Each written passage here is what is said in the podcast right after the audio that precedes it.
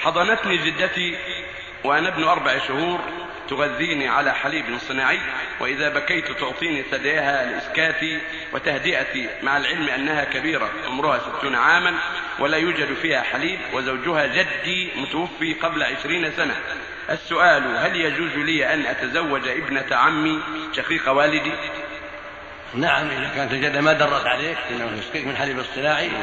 ولكن تعطيك ثديها للتلهية والتسلية فقط ولا ولا درت ما درت عليك لبنا حليبا ما يضر. ما في شيء لا بأس.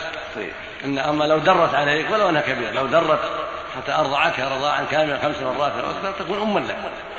إذا كانت أم أبيك تكون أما لك وتكون أخا لأبيك وأخا لأعمامك وعما لأولادهم أما ما دام ما درت ولكنها تشغلك بهديها تلهيك وهي ما درت ما يضر. نعم.